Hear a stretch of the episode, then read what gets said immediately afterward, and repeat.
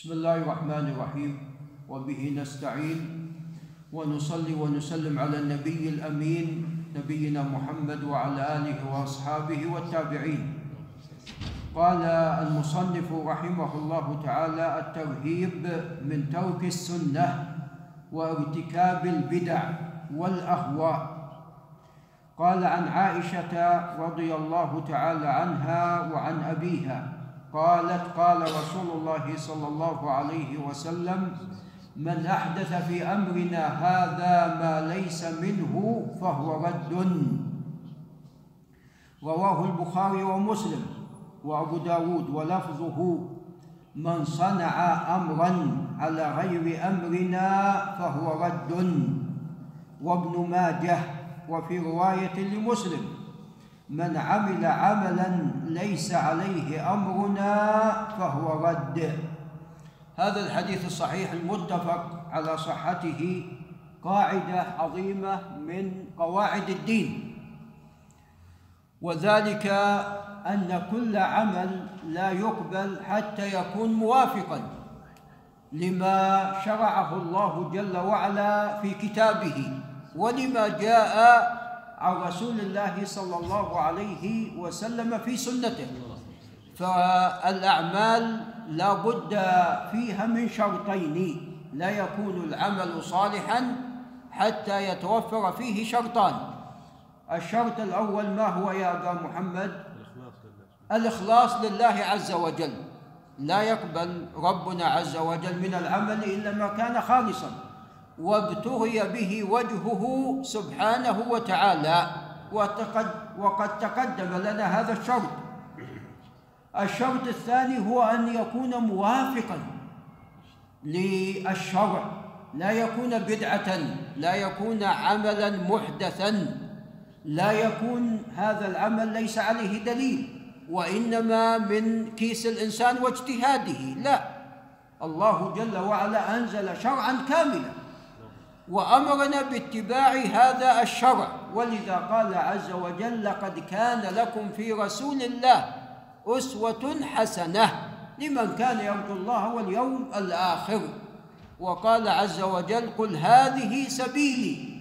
قال عز وجل على لسان نبيه عليه الصلاة والسلام قل هذه سبيلي أدعو إلى الله على بصيرة. وقال عز وجل وأن هذا صراطي مستقيما. فاتبعوه. ولا تتبعوا السبل فتفرق بكم عن سبيله. ولذا قال عز وجل أيضا فاستقم كما أمرت. هذا أمر من الله عز وجل لنبيه عليه الصلاة والسلام. فاستقم كما أمرت ليس كما تريد أنت. فاستقم كما أمرت ومن تاب معك. فإذا لا بد أن الإنسان يستقيم كما أمر الله جل وعلا. حتى أن الرسول عليه الصلاة والسلام يسأل في بعض الأحيان عن مسألة ما. فإذا لم يكن عنده جواب ينتظر ماذا؟ ينتظر الوحي. حتى ينزل عليه جبريل من السماء بوحي الله سبحانه وتعالى. إذا هذا الحديث قاعدة عظيمة من قواعد الدين. وضد السنة البدعة. البدعة هي التي لم تأتي في الكتاب ولا في السنة. نعم.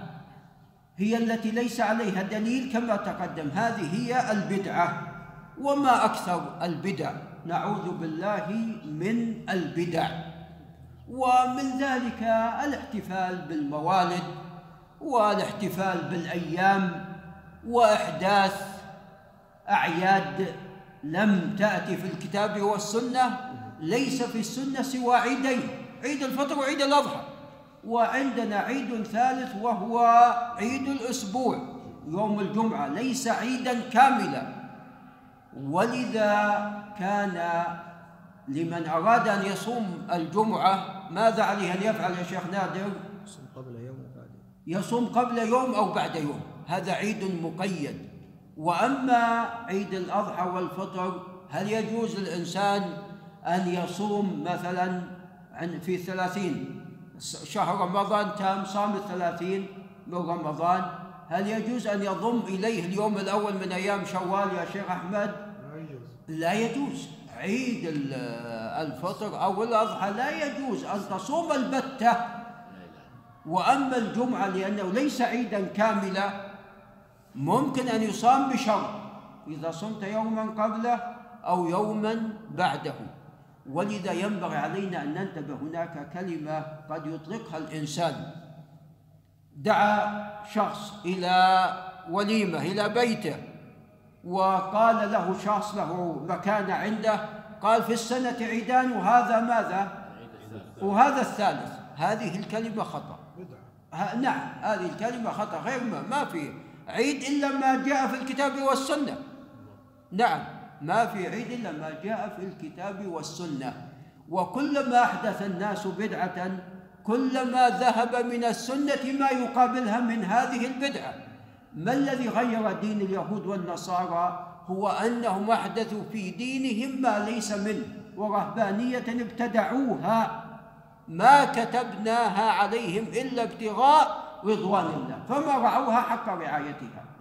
أحدثوا هذه الرهبانية ما كتبها الله عز وجل عليهم. يقولون طبعا كتب عليكم الصيام كما كتب على الذين من قبلكم. فالصيام مكتوب على من كان قبلنا. النصارى يصومون لكن يصومون فقط عن الذبائح ذوات الأرواح التي تذبح. يعني يأكل فاكهة يأكل حب بر رز يشرب ماء. هذا لا يعتبر قادحا عندهم في صيامه.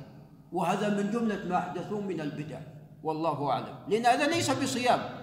الصيام هو الإمساك. إني نذرت للرحمن ماذا؟ صوما. فلن أكلم اليوم إنسيا. أمسكت عن الكلام. أمسكت عن الكلام. فالامساك فالصيام هو الإمساك. الإمساك مطلقا. في في الصوم هو أن تمسك عن المفطرات. فالشاهد من هذا أن هذا ليس بصيام. أيضا هم يصومون أربعين يوما. لماذا؟ قيل أن ملكا من ملوكهم عصى الله فجعل عليهم من التوبة لله أن يزيد ماذا؟ عشرة أيام في صيامهم. وهل يحق له أن يزيد عشرة أيام؟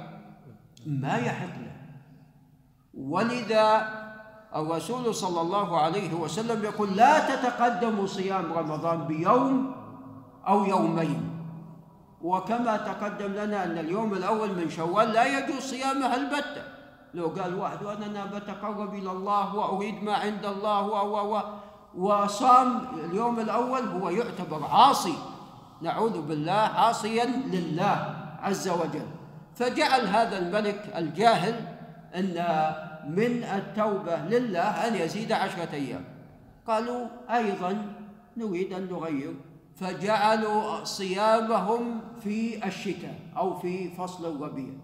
يعني يكون الجو ليس بالحر فحتى لا يعني يتعبون بزعمهم. فغيروا غيروا هذا الدين وتلاعبوا فيه حتى أصبح دينا مغيرا. ومن أكثر ومن أكثر أصحاب الأهواء طبعا ينبغي أن نجتنب- البدع والأهواء. من أكثر أصحاب الأهواء الرافضة. الشيعة كل يوم لهم دين. ولذا لو احتجيت على الرافضة بما جاء في كتبهم القديمة لا يقبلون. هذا الخميني أتى لهم بدين جديد وهلم جرة كل يوم لهم دين. ابتدعوا ما يسمى بولاية الفقيه. لم يكن عندهم شيء اسمه ولاية الفقيه. ابتدعوا هذه البدع ولذا علي السيستاني طاغيتهم الآن حجتهم يسمون الآية العظمى. لا يرى ما يسمى بولاية الفقيه. كاظم شريعة مداري الذي هو فوق الخميني وقد هلك هذا إيراني. أيضا لا يرى ما يسمى بولاية الفقيه. ف يعني كل يوم لهم دين جديد. حسب الأهواء. نعم حسب أهوائهم. قال وعن جابر رضي الله تعالى عنه قال كان رسول الله صلى الله عليه وسلم إذا خطب احمرت عيناه وعلى صوته عليه الصلاة والسلام. وهذا من تفاعله مع خطبته عليه الصلاة والسلام. ولذا لو ألقى الإنسان الخطبة متماوتا الناس ماذا يستمعون له ولا ما ما يتفاعلون معه؟ نعم ما ينامون نعم ما يتفاعلون معه. فكان من هديه عليه الصلاة والسلام إذا خطب احمرت عيناه وعلى صوته واشتد غضبه كأنه منذر جيش. منذر الجيش يصيح بأعلى صوته. يقول صبحكم ومساكم صبحكم الجيش أو مساكم فأحذروا وخذوا حذركم. ويقول بعثت أنا والساعة كهاتين. من أعظم علامات الساعة بعثته صلى الله عليه وسلم. هذه العلامة العظيمة من أعظم علامات الساعة. بعثت أنا والساعة كهاتين ويقرن بين أصبعيه السبابة والوسطى. وتعلم متقاربان فهكذا قرب الساعة من البعثة. ويقول أما بعد أما بعد هذا انتقال من موضوع إلى موضوع آخر. انتقال من موضوع إلى موضوع آخر. فكان من هديه عليه الصلاة والسلام أن يقول في خطبه أما بعد قيل أن فصل الخطاب الذي أوتيه داود عليه السلام آتيناه الحكمة وفصل الخطاب. قيل أما بعد قيل أما بعد. أما بعد فإن خير الحديث كتاب الله. خير كتاب كتاب الله جل وعلا وخير الهدي هدى محمد وممكن أيضا هدي محمد عليه الصلاة والسلام. وشر الأمور محدثاتها. إذا خير الحديث كتاب الله وخير الهدى هدى محمد عليه الصلاة والسلام وشر الأمور محدثاتها. انظر كيف ذم صلى الله عليه وسلم البدع.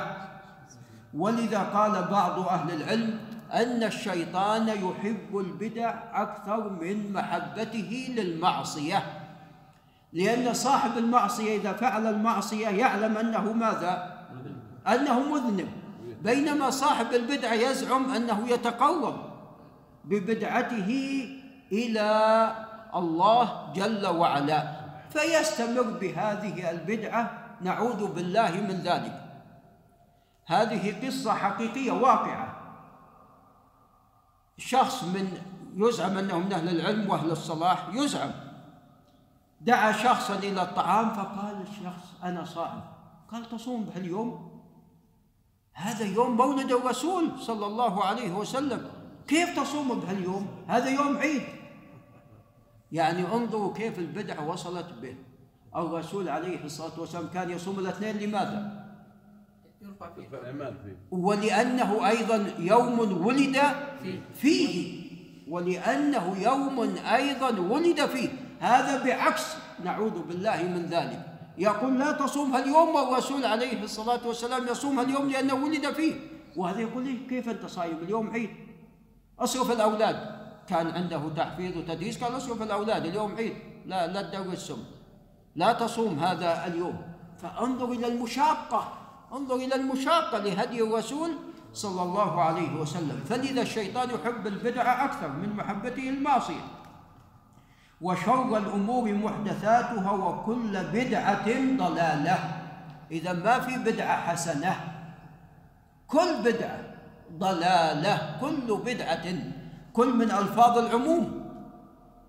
كل من ألفاظ العموم عندما تقول أتى كل الناس كل من ألفاظ العموم إذا ما في استثناء كل بدعة ضلالة. ثم يقول أنا أولى بكل مؤمن من نفسه. نعم. أزواجه أمهاتهم. نعم. وفي قراءة وهو أب لهم فهو أولى من كل مؤمن من نفسه عليه الصلاة والسلام. من ترك مالا فلأهله ومن ترك دنيا أو ضياعا فإلي وعلي يعني من ترك دينا أو من ترك شيء يحتاج إلى أن يتولى فهو إلي وعلي نعم. ولذا كان مما يجب هذا لعل الشيخ بندر ينتبه ليه على بيت مال المسلمين إذا مات الميت وترك ديونا وليس هناك من يسدد من اللي يجب أن يسدد؟ بيت مال المسلمين. هذا الرسول عليه الصلاة والسلام يقول من ترك دنيا أو ضياعا فإلي وعلي. عفوا من ترك دينا من ترك دينا أو ضياعا فإلي أو علي. ضياعا يعني أناس يضيعون أولاد أيتام قد يضيعون.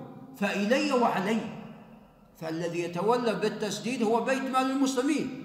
كما أن إذا كان الإنسان محتاج وفقير بيت مال المسلمين هو الذي يدفع. بيت مال المسلمين ما يأخذ من المسلمين.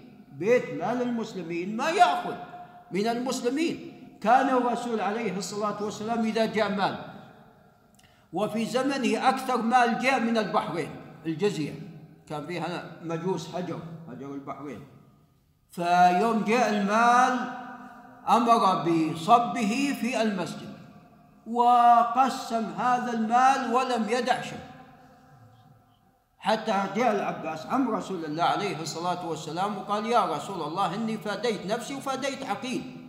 هذا في غزوة أحد في غزوة بدر عندما أسر العباس وأسر عقيل بن أبي طالب قبل أن يسلم. فقال يا رسول الله إني فديت نفسي وفديت عقيل. قال خذ. فأخذ العباس فوضع في ثوبه. أراد أن يقوم ماذا؟ ما استطاع يعني كان فيما سبق الدنانير ذهب. والدراهم ماذا؟ فضة ثقيلة ثقيلة. فأراد أن يقوم ما استطاع. قال يا رسول الله مر من يساعدني. قال لا. فترك بعض الشيء ما وده فأراد أن ينهض ما استطاع. قال يا رسول الله مر من يساعدني؟ قال لا. حتى تستطيع تترك المال وهو في ثوبك؟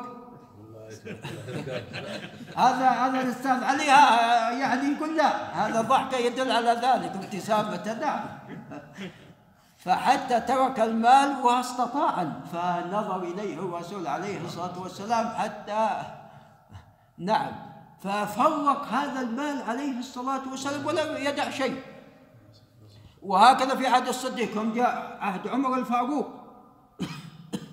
رضي الله عن الصديق وعن عمر. كثرت الأموال أيضا زادت جت خزائن كسرى وخزائن قيصر. فكتب أسماء المسلمين في ديوان. فكل واحد يأتي ويعطى أعطية يعطى أعطية. كل واحد يأتي واستمر على هذا العمل حتى في عهد بني أمية. فبيت مال المسلمين ما يأخذ من الناس مكوس ولا ضرائب ولا كذا وكذا لا. وإنما يعطي. نعم. هذا وبالله تعالى التوفيق وصلى الله وسلم على نبينا محمد.